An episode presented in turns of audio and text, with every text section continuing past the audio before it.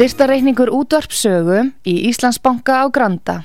Útubú 513, höfubók 26, reikningur 2.11.11. Nánari upplýsingar á útvarpsaga.is. Takk fyrir stöðningin. Heimsmálinn í umsjón Pétur Gunnlaugssonar. Fréttir og fréttatengt efni af Erlendum Vettvangi.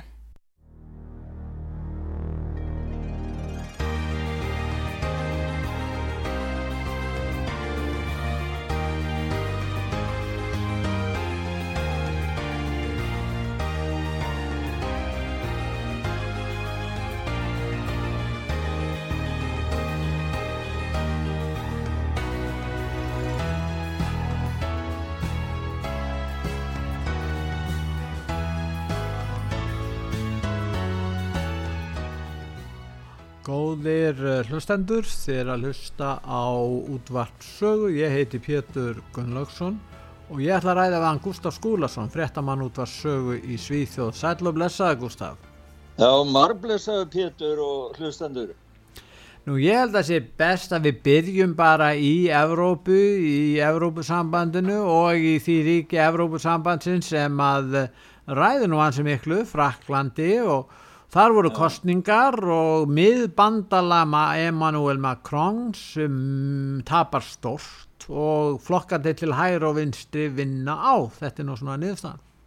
Já, þetta er, það hafi verið tölu stóra orðum um, um þetta allt frá því að, að Macron núna getur hann ekki komið sinnum stjórnmálastefnu í gegn Nei. vegna þess að hann er ekki með hreina meirhluta eins og hann ætlaði sér og það verið að tala um það að stjórnan anstæðan bæði til hægur og vinstri þá hafa verið ólík bandalög.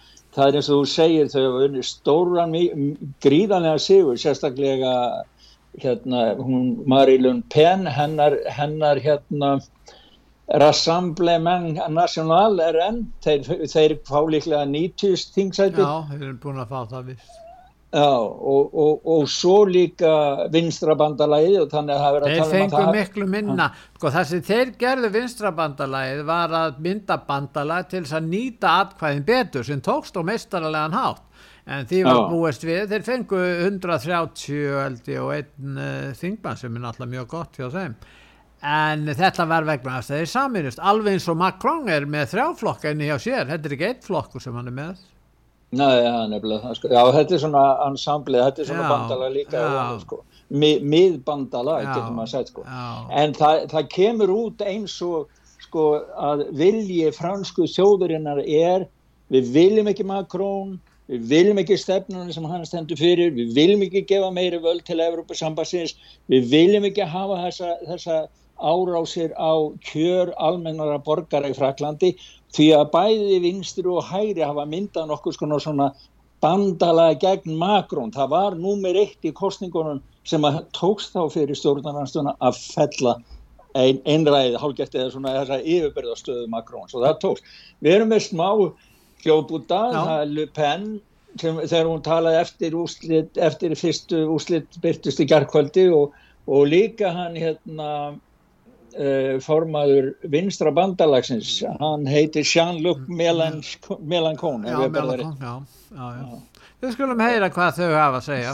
Þetta er á flösku Mais une opposition responsable c'est-à-dire respectueuse des institutions et toujours constructive. Parce que notre seule et unique boussole est l'intérêt de la France et du peuple français. C'est une situation totalement inattendue absolument inouïe. La déroute du parti présidentiel est totale et aucune majorité ne se présente. Já, ósigur Macron, það er það sem þeir leggja á að slá. Já, já, og þarna var Marine Le Pen að segja, sko ég skil nú ekki fransku en þetta var, eh, náðu þetta byrtist á sænska sjónvarpinu þannig að það var texti með því sko og hún var að tala um það að þau myndu sína ábyrðar fulla stjórnarhanstöðu og mælikvarðin, eini mælikvarðin sem hennar flokkur notaði það var í það sem að veri rétt fyrir fransk, franska fólki og fransku þjóðina hann, hann sæði eftir á móti Melankón hann sæði það að þetta væri algjörlega óvænt og fordama lusti í stjórnmálusögu Fraklands vildi hann meina þessi fullkomni ósögu fórsetans sem Já. hann er ekki meiri hluta núna Já. og hann sæði við náðum markmiðum okkar að á minnin einu mánu að fella þann hrókafulla mann sem reynda neða landi til að kjósa sig á þess að við fengjum að vita hver ástæðan var í. Já ástæðan fyrir því að við ætlum að kjósa. En mótmælendur gegn Macron á þessu kjörtímabili sem að mótmæli hafi verið mjög hörð og koma frá Le Pen og líka frá vinstrabandalæðinu þannig að þeir saminast á í mótmælum gegn þessum eh, ríkjandi fósita Já það verðist, finnst mér verið að heila sko megin tilfinning hjá franskum kjósendum. Það var voru nú kostingaþáttan afskaplega liðlega, voru bara 46% kursu þannig að meiri hlutin ákvaða að fara ekki einu sinna á, á, á kjörstað, leist leist ekkert á blíkun að segja sum. En, en, en megin tilfinning hjá þeim sem fór á staðin, það var að koma burtu þessi e, hálgjörðu innan gæsa það bara einræði Macron sem hafi svona mikið völdi í, í þingin. En Léle Körsson var líka fyrir uh, mörgum árum síðan síðastir að korsi var þannig að það er ekkert nýtt, það er Léle kostinga þáttaka í þingkostingum í Frakla og líka þegar að kostinga eru til Evrópu þingsins. En talandu um Evrópu þá náttúrulega sko er eh, fjölgar núna ólöglegum innflytjendum mjög til Evrópusambansins og það er tölur sem að þú ert nefnir hérna, hérna Gustaf 82% fleiri við ytri landamæri Evrópusambansins enn í fyrra. Já, þetta eru tölur sem að koma frá Frontex, það er að segja landamæri lauruglu Európa-sambandsins og það er mynd á, á heimasíðu sögur sem er frá Frontex sem að síni bæði leiðir og það er tölu sem þeir gefa upp á, á mismandu stöðum. Síðan eru aðra fréttir í svona valkostamilum sem að segja að það sé tvöföld til þreföld meiri ásók núna af flótamönnum frá Afríku yfir, yfir eh, hérna, miðjarahafið en ennjulega. Já. Þannig að, að þessi saga, þetta dæmi er enga veginn búið. Við gætum enda með það að horfa upp á gríðarlega ásók flottanfólks til Európísum. En Breitlandin hafa bröðist við með ákveðnum hætti. Þeir segja að þessir ólölu inflytendur sem er að fara frá Calais, frá Fraklandi yfir sundundið þeir verða sendir uh, í hérna til Rúanda og þar verður afgreysla á málu þeirra tekinn fyrir. Og yeah. þetta hefur valdið titringi, ég sá að Charles Prince var nú að hafa meiningu eða skoðanir sem hann ætti nú reyndar ekki að hafa sem, sem næsti konungur, er um svolítið vafasamt en uh, síðan var það erkibiskupin sem að hérna var að gaggrýna þetta en í raun og veru þá hérna, segja er mikill meirulhutti breyta sammála þessu. Og það er í raun og veru kannski Boris Johnson sem hefur 800 höggar sækja sannarlega, hann er að sækja vinsaldir í þessa stefni umfleytandamálum, það er svolítið aðtöklusvert Já, þetta er nú ekki alveg bara nýtt eða bara bundið Breitland því að, að Danmark hefur líka gert þetta. Já. Þeir hafa ákveðið sko í staðan fyrir að, að taka á móti ólöglum inflytjundum eða inflytjundum í Danmarku eða í Breitlandi. Já. Þá vilja þeir að inflytjundir fái fyrst mál sín afgreitt og hafa gert samning við Rúanda um það að þeir takku móti farand fólk í flótamönnum og afgreð þá hverji með að halda áfram löglega sem Já. síðan getur þá flóið til við komið til ríkja. Já. og það er svo mikið af ólöglegum flótamönnum og hælisleitendum í Breitlandi og þetta var fyrsta flugvilin sem þeir ætlaði að senda á loft þetta núna um daginn með 130 eh, ólöglegum hælisleitenda til þá Rúanda samkvæmt samningnum þá til þess að það er tekið fyrir. En mannréttinda domstóla Európa greið fram í fyrir að stoppaði flugið.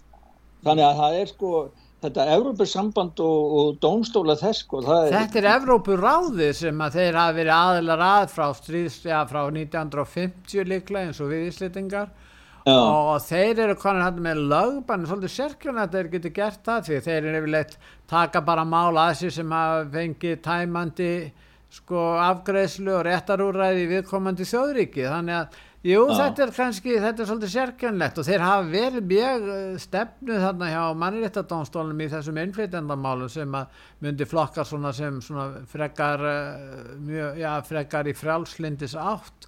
Það er svona ákveðin reyfing verist vera meðal domstólsins og Evrópuráðun að, að, að heimila þessar, þessar, þessar fluttninga millir landa og Já, en brett, já, Patti hún segir það eða ein, já, hjá Breitlandi sko að hún, hún ætli að, að taka máli fyrir og þeir ætla að koma tilbaka aftur þessu máli. En það er aðtiklisvert ef við lítum á þetta út frá svona áróðslegu sjónamöði að þarna er mm. áróðin í fjölmjölum mjög ákveðin og, og, og, og gegnum Breskuríkistjórninni og það verða gaggrína samningi við Rúanda að svona eigi að, að fara þessu en eh, í stað þess að látundan þristingi þá ákveður Breska ríkistjórnin að halda þessu til streitu og hún fær stuðning við það. Viða eins og hér á Íslandi þegar að þristingur er og, gaggríni á stefnunni í málefnum útlýtinga þá lætur alltaf ríkistjórnin undan. Hún er hrætt og svo kemur einhver og síðan sitja þeir uppi og, og, og í raun og veru hafa sko að hafa haft að engu stefnu sem þeir voru þó búinir ákveða ríkistjórnin þessi aðferðafræð að láta stöðut undan ég meina annarkort hafa þér stefni í málunni eða ekki og það verður þá bara framfylgja henni eða bara hætta við hana skilur Já, já hún er innaríkisráður ég sagði auðvitað, hún er, er innaríkisráður hún er innaríkisráður en sko já. það er líka þeir eru að semja við rúanda. Sko nú er það þannig að það virðist nú vera svona ákveðin eh, sko lítilsvirðingi garð stjórnvalda í rúanda. Það er svona gefið í skinn að þetta sé svo ófullkomið og og vanþróað ríki og eins og, og gefið skinn Afrikiríkin séu það þannig að þeir get ekki haft svona samskipti á þessu sviði. Ég meina þú skilur hvað er að fara. Auðvitað verður að taka Afrikuríkin inn í samfélag þjóðana, þeir verða að taka þátt í svona alþjóðlegu samstarfi og þeir fá að vísu borga fyrir þetta einhverja, einhverja sem að skipti málu, þetta skapar uh, möguleika hjá þeim líka ákveðna möguleika, þannig að, að mér finnst að þessi einhliða gaggríni gegn þessu beinast líka svona að því að lítilsvirða stjórnvöldi rúanda Það er alveg rétt já, því að flótumannastofnun samin að þjóða segir, segir bara að Rúanda get ekki tekið á mótin einn. Það, það þeir, þeir segja ekki, er þeir að segja stjórnvöldi Rúanda segja ljúa þá eða eitthvað? Já, þeir, sko, þeir takk ekkert marka á, á stjórnvöldinni Rúanda og, og, og fölltrúi Ríkistöðunar segir það Rúanda hefur ennfullan huga því að láta þetta samstag ganga upp og hann gaf gríni sem sagt alþjóðlega á flótamannakerfi og segir það sem mishefnað. Rúanda er tilbúið að taka mútið farand fólki og bjóða þeim öryggi og tækja fyrir landin okkar. Segir altså fulltrúi, hann heitir Jólando Makolo, fulltrúi Ríkistöðunar í Rúanda. Já, en saminu þjóðunar segja, nei þeir get ekki tekja mútið fleira. Þannig að þú veist, það fer ekki saman.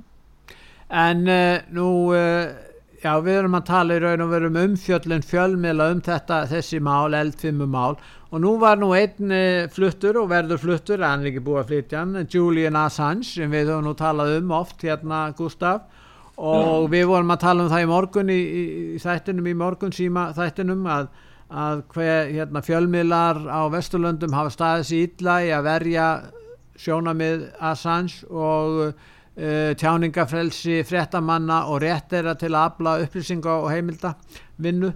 Hvað segir þú um það? Þetta er, þetta er ljótt mál finnst mér. Já, það er það var nú búið að skrifa og, og byðla til innaríkisráðherrans ráð, um að, að, að sleppunum og það er reyfingi ástralíu fyrir því. Það er hópur þar, sterkur hópur sem að vil reyna að fá hann framseldan til ástralíu eða senda þangan í staðin og bara Já. hætta þessu Við ekki Íslendingar að taka við honum bara? Íslendingar? Já, væri það ekki Já, Við tókum að móti fyrst á sínum tíma Já, ég held að væri nú næra að bjóða væri bara alveg ágætt að Íslenska ríkisórnun og auðaríkisráður býði að sann hæli á Íslandi bara Já. sem þetta var æfinar Já, ég held það En 175 ára sko svo er náttúrulega sko, það er ekki bara þetta. Hann, það, sko það býður hans einhver lítill klefi þetta er eins og verður að setja í grafísi sko. Ég veit ekki hvað er einlega verða þarna í bandaríkjónum um, um svona hva, hvaða öflir að ná yfirtökum þarna í sambandi við meðferð á, á svona máli.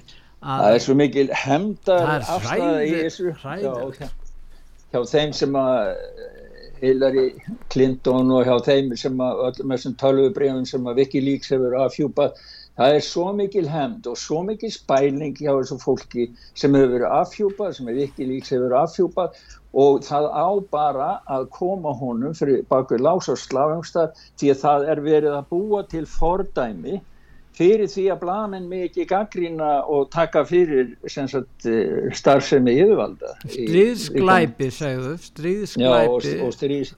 við erum með smá hljóput á manni sem er í Ástralíu uh, þar sem hann er að segja sko að hann, þeir, þeir er alltaf að byggja fórsættisráður þeir er nýbúin að vera kostningar en er alltaf að byggja fors, nýja fórsættisráður að, að hingja í Boris Johnson Já, þessi sem og, var kjörið fyrir verkamannaflokkin þarna í Ástralíu Já, Já en, þessi maður, en þetta er annar maður sem tala um Já, skulum heyri þessum Last Friday and the British Home Secretary actually signed off on the extradition of Julian Assange uh, to the US so uh, now's the time for really assertive strong action and I think I speak for, I know I speak for a lot of people when I say, uh, Anthony Albanese, uh, you've got a good relationship with Boris Johnson and Joe Biden. Please pick up the phone uh, and demand that this madness ends. I mean, surely he suffered uh, enough. You know, surely he can be replaced, uh, released from Belmarsh. Uh, the extradition can be dropped and he can be allowed to return home if that's his wish.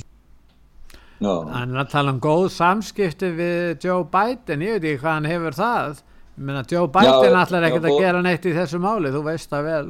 Já, nei, Boris Johnson, sko, var það ekki. Jó, Já, Joe Biden hefur já, það sko. Hann myndi ringja í Boris Johnson í, hérna, í Breitlandi sko. Já, Boris Nei, ætlar ekki að gera neitt ríkistjórn hans er ákveð og, og Joe Biden ætlar ekki að gera neitt sko. Nei, hann myndi nú ekki að gera neitt hann getur ekki eins og hjóla. Nei, það er ekki bara út af því það vegna að demokrataflokkurinn er að hluti hans já, er að hefna sín á Julian Assange eftir eh, meðferðina sem að demokrataflokkurinn hlauti í kostningabaráttunni 2016 gegn Trump. Já, þeir eru alveg brjálæðir út í hann demokrata, þeir, það eru þeir sem að drífa þetta einmitt að fá hann, fá hann til bandaríkana Nei, en það er á heimasíðu sögu þá er að Wikileaks kom með yfirlýsinguðar og, og hún er bæð á ennsku og íslensku. Já. og það sem er verið að tala um þetta sko um þetta mál Já. og þeir segja það að hefnd þeirra er að láta hann hverfa inn í myrkustu hól í fangelsiskerfi þeirra Já. þar sem eftir að æfinar og fæla þenni aðra frá því að draga stjórnvöld til ábyrðar en við munum ekki láta það gerast frelsi Julians er tengt öllu frelsi okkar. Ah. við munum berjast fyrir því að endur heimta Julian til fjölskyldu sinnar og endur heimta tjáningarfrelsi fyrir okkur öll. En nú er spurningin, stóra spurningin færan það sem við getum kallað réttláta málsmeðferð í bandaríkjunum? Það var eintalega kviðdómur sem er valin í þetta, vænt býst ég við. Uh, ég veit ekki hvað hva, hvernig þeir dæma, hann er alveg njósnari, ég meina njósnari fyrir hvern? Fyrir hvern var hann að njósna? Hann er já, þá að dæma hann á grundvelli þess að hann hefði brotið lög sem eh, einhvers konar já hann hefði síðan einhvers konar landráða maður og njósnari. Ég meina hann er nú ekki bandaríkja maður sjálfur þannig að Nei, nei, en hann byrti, sko vikilíks byrti gögg sem eru, voru leinugögn hersin sko, og það er náttúrulega mjög alveglegt brot sko já, já, það er, þeim, sko. já, já, það er nú svo.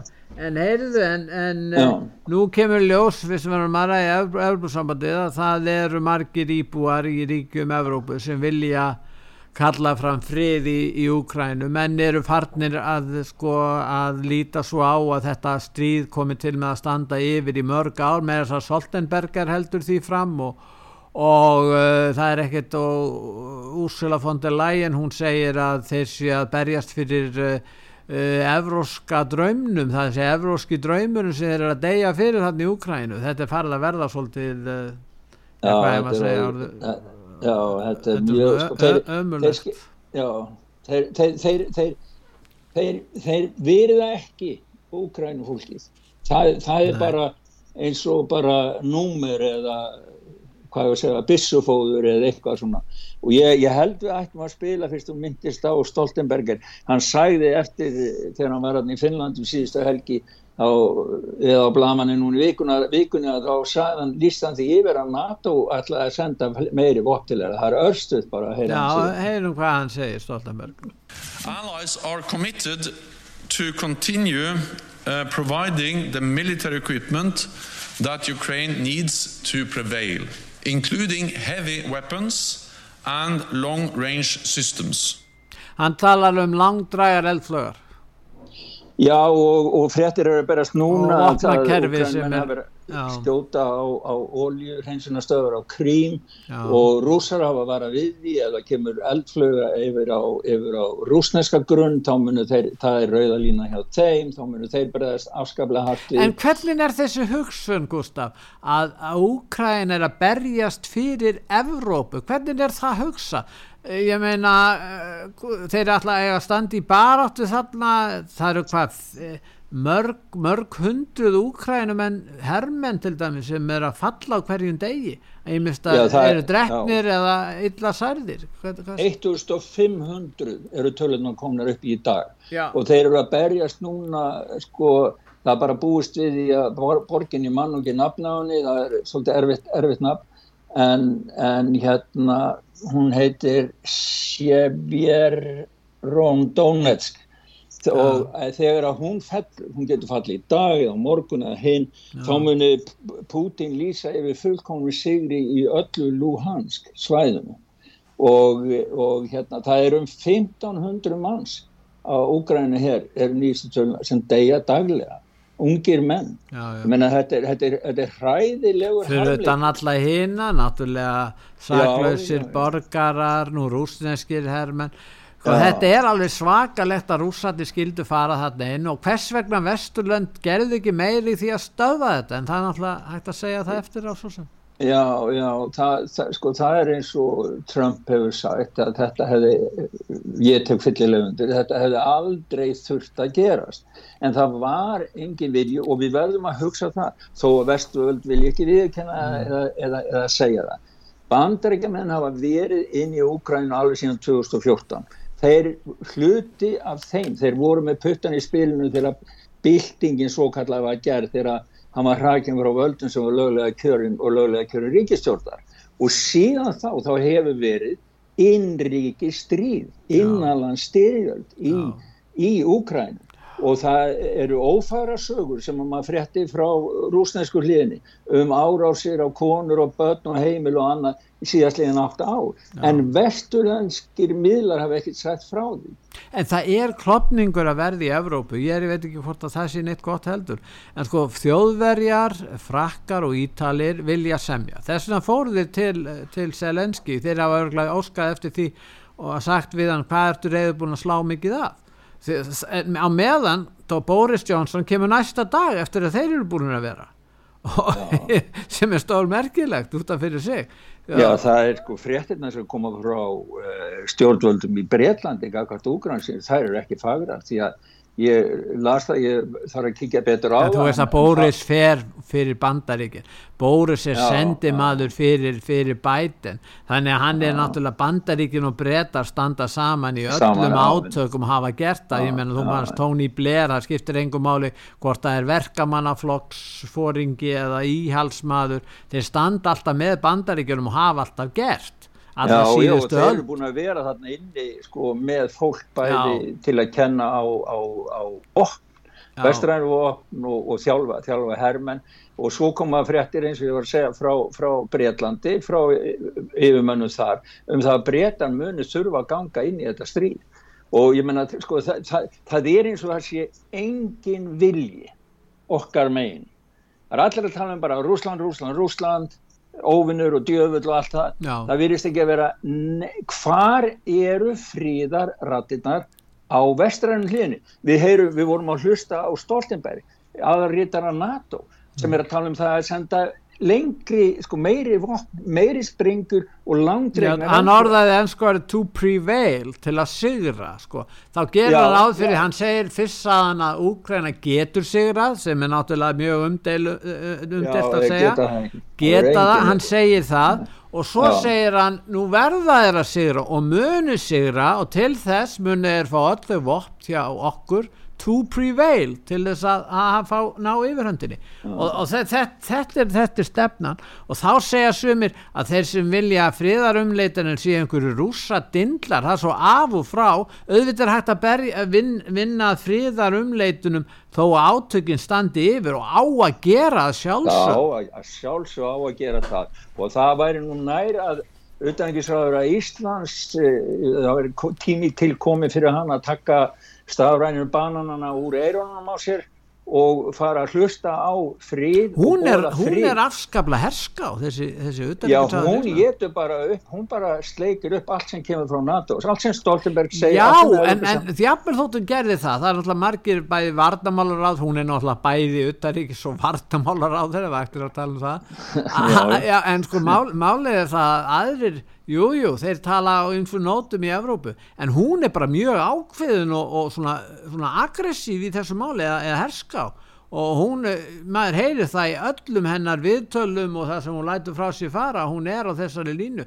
Mér finnst um þetta Ísland sem er nú ekki með hér, ætti um þetta leggja áherslu, þunga áherslu á það innan Atlasasbandalagsins og innan Evrópu að segja vinnum að frið og Íslandingar ætti að bjóða fram sitt fólk til þess að það tæki þátt í friðarumleitunum fyrir að við hefum ekkert, við getum þá gengt í hlutverki vegna þess að við höfum haft sæmileg samskipti við rúsa yfirleitt og, og líka auðvitað við Úkrænu þannig að, að reyna að koma einhverju málunni á, á staðin það er eins og fólk gerir svo lítið úr því að það skiptir ekki máli. En hugsaðir alltaf fólk sem áttur að deyja og þjást og, og hérna ver, verða fyrir sko sárum og og, og þú sér nú hvernig allt heimi, heimilin eru lögð þarna meir og minni rúst á stórum Já, svæðum. sko. ég, ég segi bara heyr heyr við því sem að þú varst að segja hérna áðan Pétur. Ísland á Já. að skapa sér Já. grunn sem fríðar bóði og hvað er, er allir fríðarsinnanir innan, innan, hjá vinstri grænum? Ég meina annaðins tilefni hefur nú komið til. Það heyrist ekkert í þeim það heyrist Nei. ekkert í þeim því fólki að, að, að hérna, það ætti að, að reyna að koma á einhvers konar er þetta ekki fólk sem er á móti í NATO? Jú, fyrir utan það. Þeir eru orðin herskáast að liða inn á NATO meiri vopn og annað. Þetta er bara brandar í dag og meiri segja að þeir leifa vopnaflutninga. Hér eru uh, velar með, með vopn við, við erum í raunum vornir já, við erum kannski ekki beint þáttakundur já, við erum allavega óbeinir þáttakundur af þessari styrjöld með þessum hætti. Nei, mér finnst sko að Ráðhæra Ríkistjórnar ætti að taka frá sér uh, augnaskikkin sem að hindraði um útsýn og börtu með þessa strafrænum bananum og eironum og byrja að hlusta á bæði venjulegt fólk á sína þjó sem þeir hafa glengt og uh, byrja að móta fríðastefnu sem Ísland gæti orðið leiðandi. Það er miklu betur fyrir litla þjóð að, að, að bóða fríð heldur en að vera eldast við og hengja sig upp á skjaldarönd þeirra sem að maður trúur á að muni vinna. Því að ef svo fér, það, sko, stríði getur bara stækkað það getur Já. ekki minkað, það getur Nei. bara stækkað þegar NATO, Vesturlund eru að hrúa inn peningum hrúa inn vopnum, hrúa inn langdrægar eldflögum þá getur það bara vaksið og hvað þýðir það? Það þýðir hægt á kjartugustríð og hvað þýðir það? það þá eru við ekkert að tala um 1500 eða 2000 mann sem degi á hverjum degi. Það getur farið upp í 2 miljónur á dag. 20 miljónur á dag. miklu miklu verra en okkur, við gætum ímynda okkur að, að kæmist á þetta steg en þetta er auðvitað svo sorglegt að, við skulum láta þetta halda áfram að hlaða öllum en það er einn spurning sem lítur að vakna Hver, hvernig líta stjórnvöld í Evrópu og þessi gamlu eh, nýlend og heimsveldi sem stýra Evrópusambandinu eða þá bandaríkin og eða þá brettanir hvernig líta er á sko möguleikan á þetta hvernig þetta stríð á að enda? Gera þér ráð fyrir öðru bara því að Úkræna vinnist rússana? Er það í raun og veru þeir, þeir ætla bara að miða við það að á meðan Úkræna berst við rússana og þá er bara stemt í sigur og það er bara skýririslaus uppgjöf að hálfu rússa, það er stefnan. Ef þetta er stefnan þá er náttúrulega er, er sko fáráleikin komin á ansi hátt stig.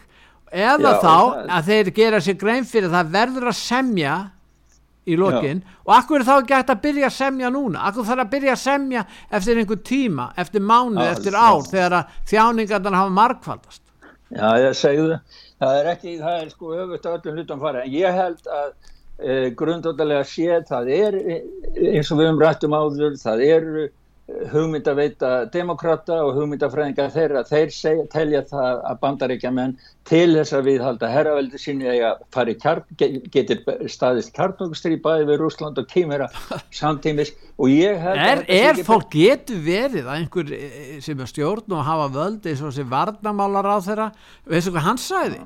Fyrir það langt síðan, hann sæði að tilgangu með stríðunum var að veika Rúsland heyrðu, svo dróð hann allt tilbaka vegna þess að það voru einhverju starfsmenn í Pentagon sem segði, heyrðu, auðvitað maðurinn var bara fór með röfl. Ég meina, hvers konar eh, stjórnarstefni er þetta eiginlega verða hann í bandaríkjónu? Já, Hver ég held bara að það séu til svona menn með mikið önsku brjálaði að ætla að fara í fótspórna Pólu eins og reyna að taka Rúslands, Rúsland og bara að komast yfir markaðina, ég held það. En við skulum fara Já. núna í auðlýsingar, Gustaf og ja. þið er að hlusta á útvarsögu ég heiti Pétur Gullarsson og þið er að hlusta á heimsmálin og ég er að ræða við hann Gustaf Skúlason í Svíþjóð. Nú ætlum við að hlýða auðlusingar og eftir auðlusingar hlýja þá höldum við umræðin áfram.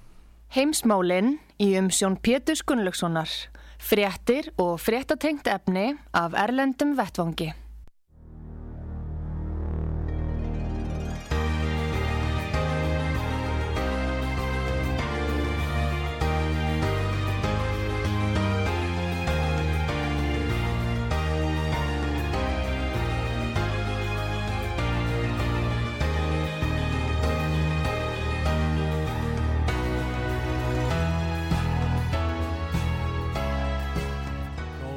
hlustendur þið er að hlusta á útvart sögu, ég heiti Pétur Gunnlaugsson og ég er að ræða við hann Gustaf Skúlason.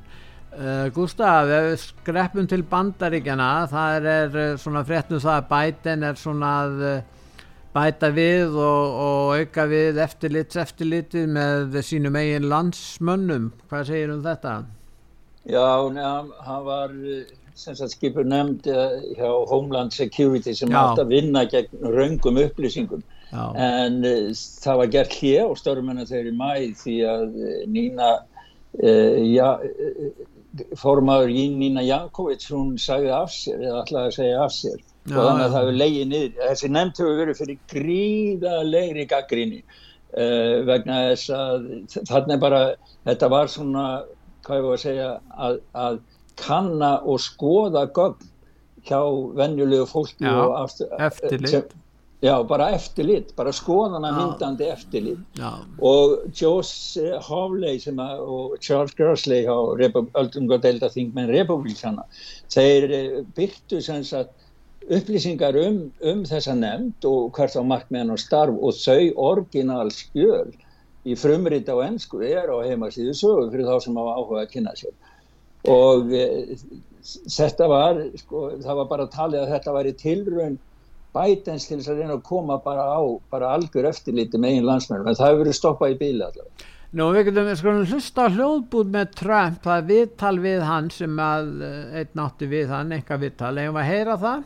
Já, heyrum það But it's a it's a terrible thing when you look at it. It's a totally one-sided kangaroo court or witch hunt and it's just a continuation. You know, don't forget we went two and a half years on Russia, and then they found out it was a total fake, which I've been saying for two and a half years.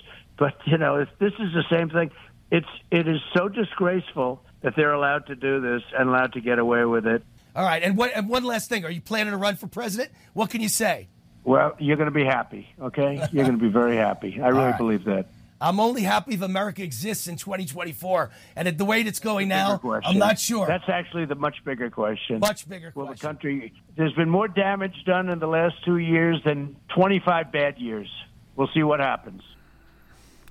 Já, Trump er ekki ánæðið með núverandi fórseta hann allir að búast við því en hérna Já, hann var nú, nú að lýsa sko nefndinni nefndemokráta sjötta janúar nefndin já, já lísti því sem bara kenguru eitthvað Já, það er kallað kengurukort þegar það er eitthvað orð sem er notað um um svona réttarhöld sem eru byggð á, á einhverjum ruggli Já, hann lísti sko þetta væri bara nortnaveðar og, og kenguru dómstólsinn sko. En hann var spurður að því hvort hann alltaf er fórsta frambúð og hásaði hann við hann að hann er í hamingjusamur, hann er einhver stöðnismæður hann sem áttu viðtalið. Það stæðla að fara inn. Það spurði ekki hvernig kostur kann að fara í nóumbur ef, ef að hans menn ná meiri hlutan því hann er að velja eða styðja flesta þá þingmenn sem er í frambúði fyrir republikanaflokkin og hann hefur haft sér fram í frammi þar og þeir komast nú valla inn í, í hérna í frambúð nema að njóta stuðnings hans, minnst kosti hefur það verið upp á síkastið, þannig að ef að þetta gengur vel núna hjá, hjá republikanafloknum þá eru líkur á því að hann fari í frambúð Já, ég hugsa það og hann, hann hefur allavega ekki sagt að hann gera ekki, hann hefur ekki neitað því að hann muni farið frambóð. Þannig að hann, hann heldur í opnu og hann var til dæmis á, á fundi núna um daginn, þá spurði hann alla fundagesti viljið því að ég farið frambóð og fólk náttúrulega rópaði og klappaði og allt það. Þannig að hann er líka svona, hann er að vega og meta fylgi sem hann hefur, bæði innanflokksins og utan eftir því sem hann kemst að. Nú ef við förum út í loftlagsmálinn og hvernig það er að þróast í raun og veru og uh, það er spurningin hvernig Evrópa lítur á kjarnorku veru og kjarnorku sem orkugjafa. Því að frakkarnir streyst algjörlega á, á hérna, uh, kjarnorkuna sem sjálfbæra og, og hérna, þá að taka máli fyrir á Evrópu þinginu núna í júli að þeir leita að klassa var... Eh, kjarnorku sem sjálfbæra. Hvað hva meinaði með því er þetta ekki Já, sjálfbæra? Já, það sko, Európa-sambandið var framkvæmdastjórnum var fyrst á, á, á mótiði og vildi bara alltaf loka öllum kjarnorku verum, Já. en síðan breyttu þeir um skoðum, en hins vegar töpuðu þeir sem sagt í nefnd í þinginu að, sko í, í, í nefnd einhverju nefnd sem fjallaði um máli þá var gengi gegn tillugu þá var umhverjus og fjármála nefnd í Evrópa samfast þingsins sem að greiti og feldi tillugu framkvæmda stjórnarinnar um að það flokka orkunins sjálfbara og ef að, ef að svo stefna verður ofan Það, það er vist voðalega mikið spenna í stjórnmálunum ef að menn alltaf ganga gegn framkvæmda stjórninu á þinginu þá er voðalegu teitringur í málunum en ef að það verður ofan á já þá getur við bara heilsað heim sko, þá, þá verður bara algjör orku kreppa enna hérna í Evrópu sko, Evrópusambandinu núna næsta vitur allavega. Já þetta sko, er náttúrulega ákveðin orskik í gangi í sambandi við sólaraforkuna og vindorkuna. Eh, þetta tekur svo langan tíma og svo er spurningin um hagkvæmnina en, en, en eh, arkan kjarnorkan hefur reynst mjög vel kjarnorkan sem er nótu til að framlega ramagn í Fraklandi Já, og þetta er... Og sko, í Svíþjóð á sínum tíma, þeir laðu þetta nú að... Já, já, Svíþjóð, Þískaland og alls það. Já, já. Já, þetta er bara stjórnmálulega ákvörðun að, að, að loka vel virkum uh, raforkuverum og skapa og, það, og með því er skapaður orku skortur. En hvaða hættast afar af kjarnorkuverunum? Ég menna, eru menn enþá með Tjernobyl hérna óttan í hugar heimi sínum? Já, það sem við hefum verið að ræða það, það að stafinnir sem að eru svo geyslaverkir sem að verða afgangs þá, sem bara uh, það sem er búið að nota í kjarnorkuverunu og hvernig á að geima það, það verið umræðan það inn í síð og það er búið að bóra niður í jörðina og komaði langt niður í jörðina í einhverjum steiftum hilgjum og blíhilgjum því að þetta er 100.000 ár sem, sem, sem, sem þarf að geima þetta. En núna er bara komin upp ný tækni þar sem að ný tegund, ný kynslu og kjarnur getur haldið áfram að, að ganga á sömu stöðum og hinn gamlu kjarnur eh, skilja eftir. Þa, þannig að sko þannig að, þá er þetta vandamál með, það er orðið ennþá grætna og ennþá betri kjarnorka í dag og í framtíðin En núna, þeir segjast ekki vel að vera háðir rússum í orkumálum. Ég meina eina leiðin til að vera ekki háður rússum er að fá orkuna annar staða frá. Nú bandar ekki að minn alltaf ekki að framlega meira orku þó þið geti það. Og, og þá er ekkit annað eftir heldur en að fara í kjarnorkuna. Eða er það ekki ljóst? Jú, en þeir, sko, þetta, þetta stangast á við þessi græna orka og mm. græna orku stefna Já. og allt það sem þessi græna efnahagur sem hefur verið að þvinga upp á löndin í Európa-sambandinu, þvinga upp á Norðurlönd og líka í Ísland mm. allir, allir eiga að fá fjárfesta samkant stöðlum og rálegjungum Európa-sambandsins það er sem sagt gamla sovjetið er komið á fullaf herr og er farið að stjórna því hvað á að framlega og hvað á ekki að framlega alveg í smáatru og, og það er sko svo vegferð og það er bara Kína, það eru, það eru vindkrafturinn og það eru sólarorkan þeir framlega, þeir framlega það. Já, sem þeir framlega sko. við erum og, hugsaðlega að tala um grænt gjaldrótt já grænt gjaldrótt, já ég meina við erum hugsaðlega að gera það nú uh, græna bildingin getur verið skadleg Fyrir... Já, hún sko, það, það er góð grein núna á heimasíðu sögu, Green Revolution, græna bildingin, það sem er svona, fekk hana frá einum vini út af sögu sem sendi mér smá pistil Já. og ég bara skellti inn á heimasíðuna því að Já. þar hefur farið í smáaturum inn á þessa sko vistvænu efni sem er nú til dæmis eins og ég bæði í rafbílum, sólkerfispjöldum og skrúablöðum vindmila þetta bara kemur í ljós að þetta er allt, allt annað, þetta er bara sem smá dæmi um, um rafbíl sem er sagt að sé losunarlust fartæki en það er alls ekki það því að það eru 25 pundar litium, 60 pundar nikkel 44 pundar mangani, 30 pundar kóbalti, 200 pundar kópar 400 pundar áli, stála plasti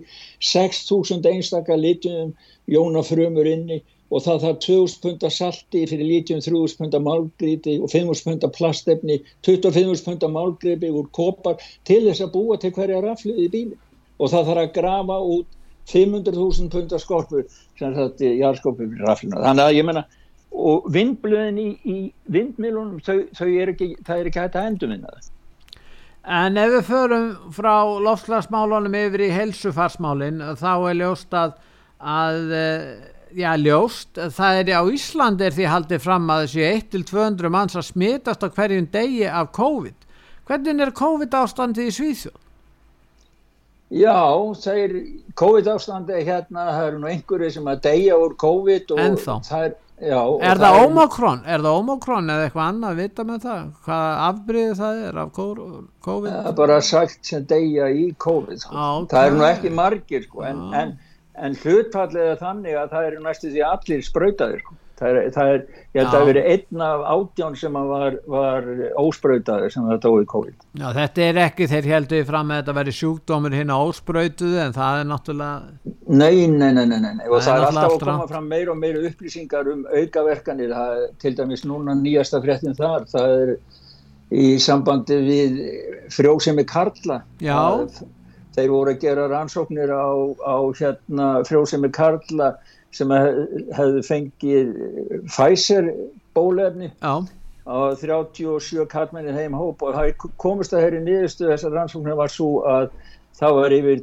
20% frjósemi smingun hjá þessum karlmennum og e, þetta er þá orðin staðferst en einn aukaverkun af, af bólefnin sem að og, gæti haft afdreifaríkustu af, afleiðingarna til lengri tíma ef að eh, vest, eh, kallmenn á Vesturlandum 20% er að 22% það dregur úr fjölda sæðisfruma hjá þeim Já. það náttúrulega hefur það gífulega áhrif og, og hérna, það er ekki verið að tala um það að það þurfa að fækka mannkynnu en það þarf að fækka hér fólki í Evrópu og, og Bandaríkjunum fyrst og fremst, það ekki? Já, þeir eru nú að móka svo mikið einn fólki, maður sér að bara inn í Svíð það eru 100.000 sem koma hverju ári hérna. 100.000, já. Já, Afríku og meira, meira löfstum. Þannig að Svíðum fjölgar sko hverju ári með þessu.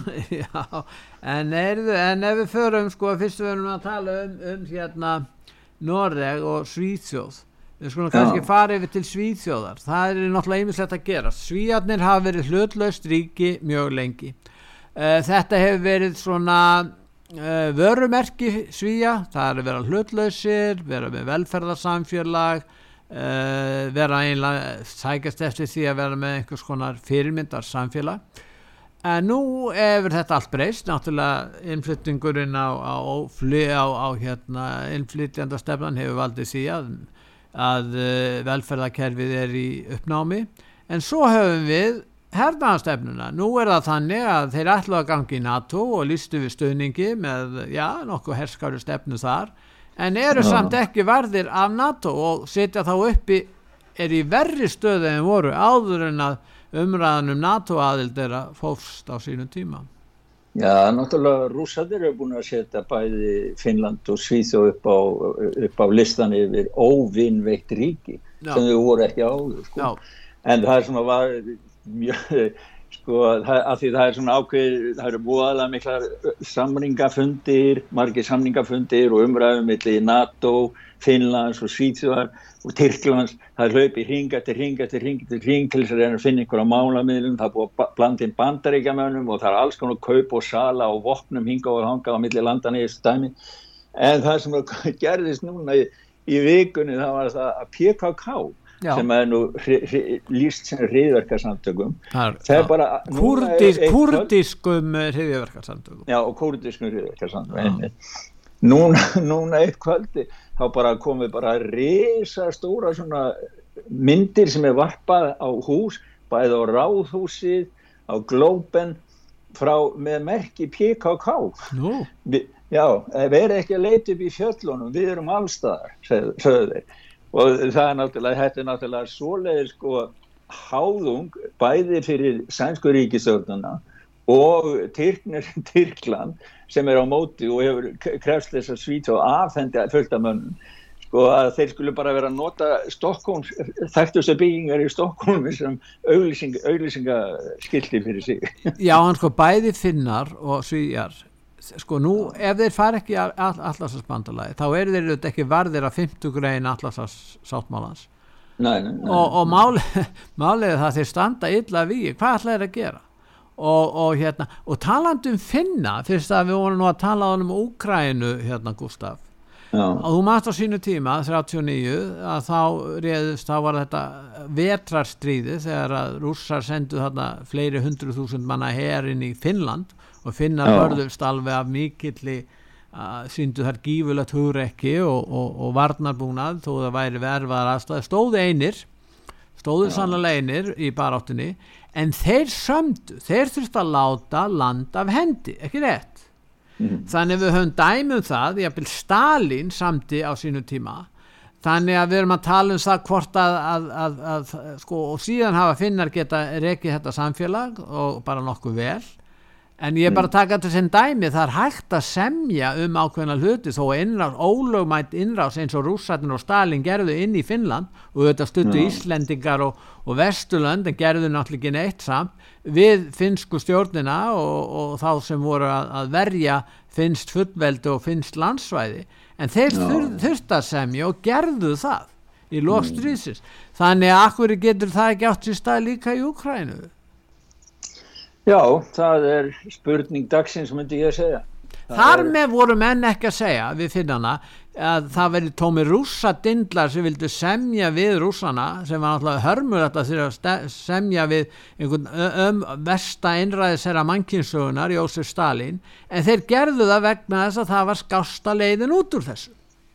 Já. það er bara ekki það, það, já, fríður er fríður og það er betra að hafa fríð heldur en að vera berjast það er bara, málið er ekkert floknar en það. En, en sjálfsögur skilum að það að maður þurfu að, að, að verja sig. En eins og stríði Úkræninu hefur þróast þá er þetta ekki lengur, finnst mér verið neitt spurningum varna stríð fyrir úkræninsku þjóðuna því að þeir sem tala fyrir þjóðuna það eru NATO. Það eru NATO, breytar og, og bandaríkja. Við vitum það núna að Erdogan mun ekki uh, gefa hérna, samþykja það að svíjar gangi alltaf spandalega. Þeir myndur fugsanlega samþykja finn, að Finnland færin en ekki Svíþjóð og, og það, staðan er þannig bara þannig að, að, að Já, en, við, en við getum ekki alveg sko, þannig er það á yfirborðinu augnablíkinu en það eru gríðarlega miklu samningar á baku tjöldin sko. Nú, þá er bara verið að kaupa Erdogan ég menn að hann er bara keftur þá það er ekki þannig sko. það er það sem er í gangi núna sko. En, Þannig að við verðum að sjá. Það er eitt mál sem við verðum að tala um, það er þetta sem afbrótafræðingar benda á að það er beint samband á milli skotarosa í Svíþjóð og fjölda innflutningsins. Það er leikur fyrir. Já, það kom viðtalirna við einn mann sem heitir Manni Gerel, hann er dósend í ábrótafræði við Háskólanum í Malmö. Já.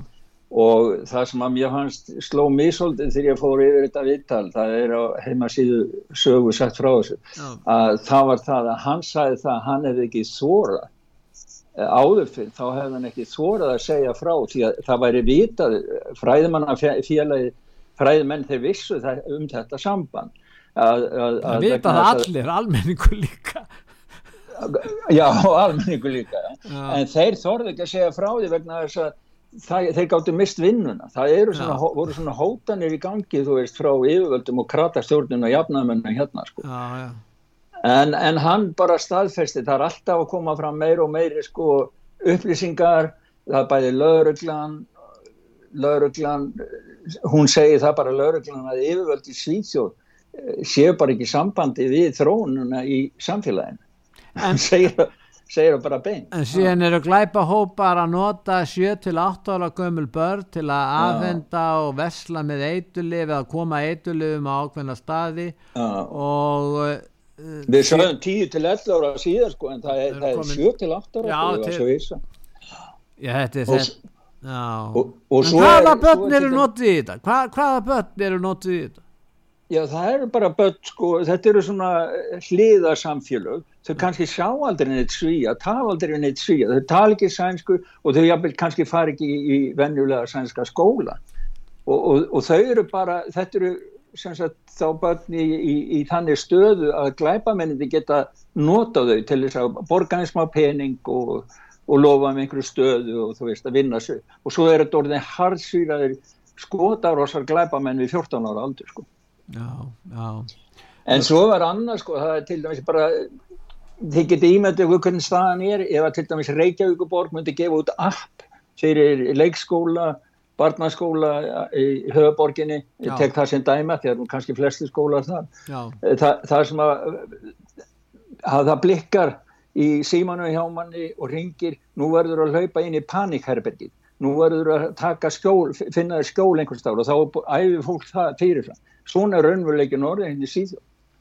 Já. En það er líka aðtæklusvert að svíjarnir eh, sko leggja ennþá meira áherslu á Evrópusambandsaðild og heldur en áður. Þeir vilja yes. bara sógast inn í þetta ríkjasamband og verða bara já, hér að inn í því sambandi er það ekki nokkuð ljóst, með sko þessi sömur stjórnmálamenn eins og þið tala og þá er það kratarnir og, og kannski moderataliði líka.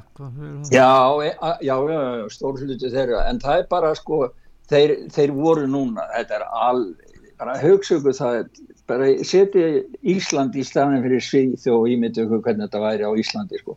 það er núna búið að leggja niður af sex fánadögum konungahúsins sem að hafa verið til þess að minna á þjóðlegin kenni og annað hérna í síðan er búið að taka burtu fjóra. Það er búið að leggja niður fjóra. Nú hefur sænska, sænska þjóðin í gegnum konungahúsi bara tvo fánadag ári í staðin fyrir sex.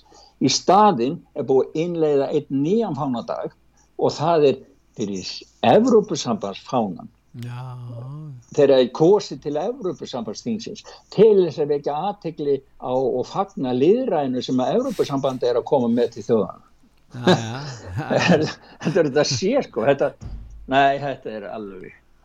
Herðu en við ætlum að spila eitt lag út af og það tengist Paul McCartney. Paul McCartney varð 80 ára uh, 19.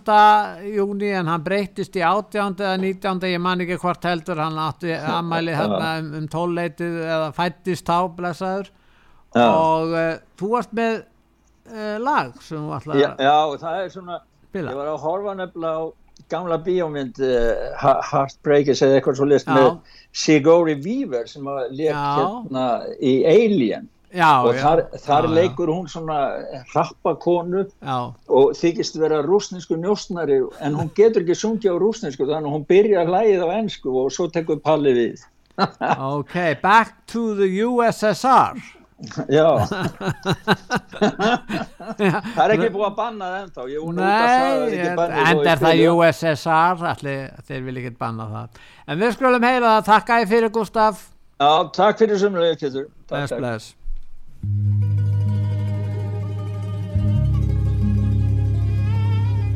Flew in from Miami Beach, the OAC, didn't get to bed last night. On the way, the paper bag was on my knee. Man, I had a dreadful flight. I'm back in the USSR. back in the U.S., back in the U.S., back in